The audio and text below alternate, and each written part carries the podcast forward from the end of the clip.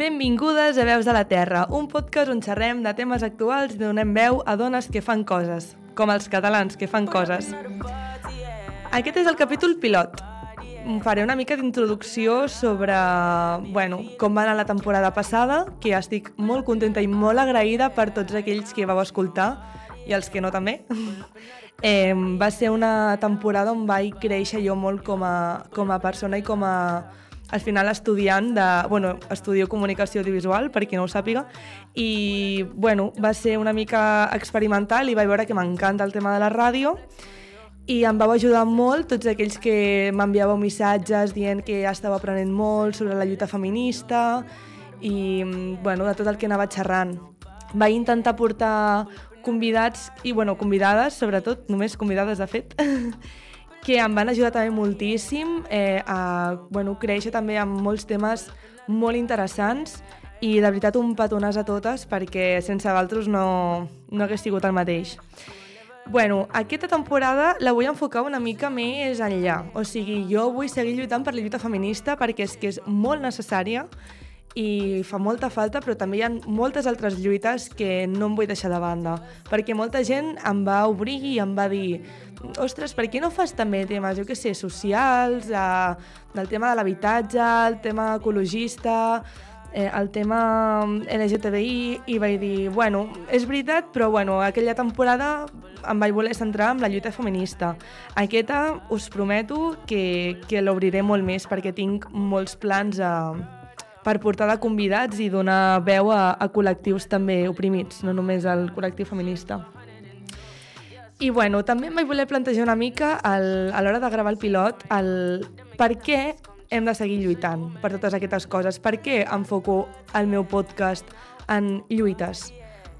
Sí, a vegades hi ha gent que et diu ah, però si el feminisme ja, ja està, no cal lluitar pel feminisme. No és veritat perquè, bueno, com tots sabeu, el 23 de juliol va haver unes eleccions. I ho vull remarcar, o sigui, segurament estem tots farts de veure mmm, com ha pujat l'extrema dreta, però és que no em canso de, de repetir-ho, perquè és que és superfort que hi hagi un partit polític que hagi aconseguit 33 escons amb un programa electoral que volia abolir el Ministeri d'Igualtat, que volia derogar la llei LGTBI, que la llei LGTBI bàsicament és que les persones del col·lectiu tinguin drets i puguin ser persones. O sigui, de veritat que, que, que és que no estan dient que, que tothom hagi de ser del col·lectiu LGTBI, o sigui, no sé quina paranoia potser hi ha per allà, però bueno. I també hi havia un que, que és que jo em vaig quedar flipant perquè és una llei que volen, volen implantar, que és il·legalitzar els partits separatistes i terroristes. O sigui, en quin moment ens estan deixant tan clar que, que volen tirar 50 anys enrere d'aquesta manera. O sigui, per començar, separatisme. Digueu-li del nom que és. Si és independentisme, és independentisme, separatisme, terrorisme. És que, de veritat que és que és tan necessari posar nom a les coses tal com són i no inventar-se les coses perquè hi ha gent que se les creu, aquestes coses, i no hem de deixar de donar veu a persones que, que estan lluitant contra tot això. I després hi ha un altre partit que també té 136 escons que vol abolir, abolir la llei trans, la llei de l'eutanàsia, la llei de l'avort... La, o sigui, és que és molt fort que a dia d'avui encara estem en aquesta situació. I llavors necessitem gent... O sigui, jo ho estic fent des de la ràdio, però és que us animo a fer des de qualsevol altre àmbit de lluitar per lluites socials, per la lluita feminista, per la lluita eh, qualsevol lluita d'un col·lectiu oprimit de, de la societat d'avui en dia. O sigui, és que és super necessari.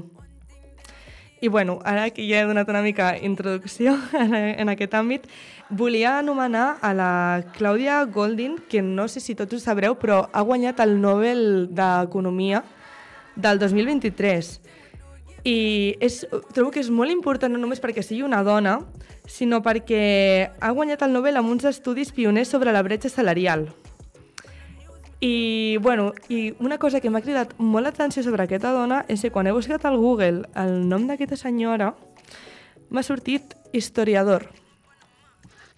Sembla una tonteria, però és que m'ha fet tanta ràbia veure com una dona empoderada que ha guanyat un Nobel d'Economia a l'any 2023, segle XXI, hagi de posar historiador.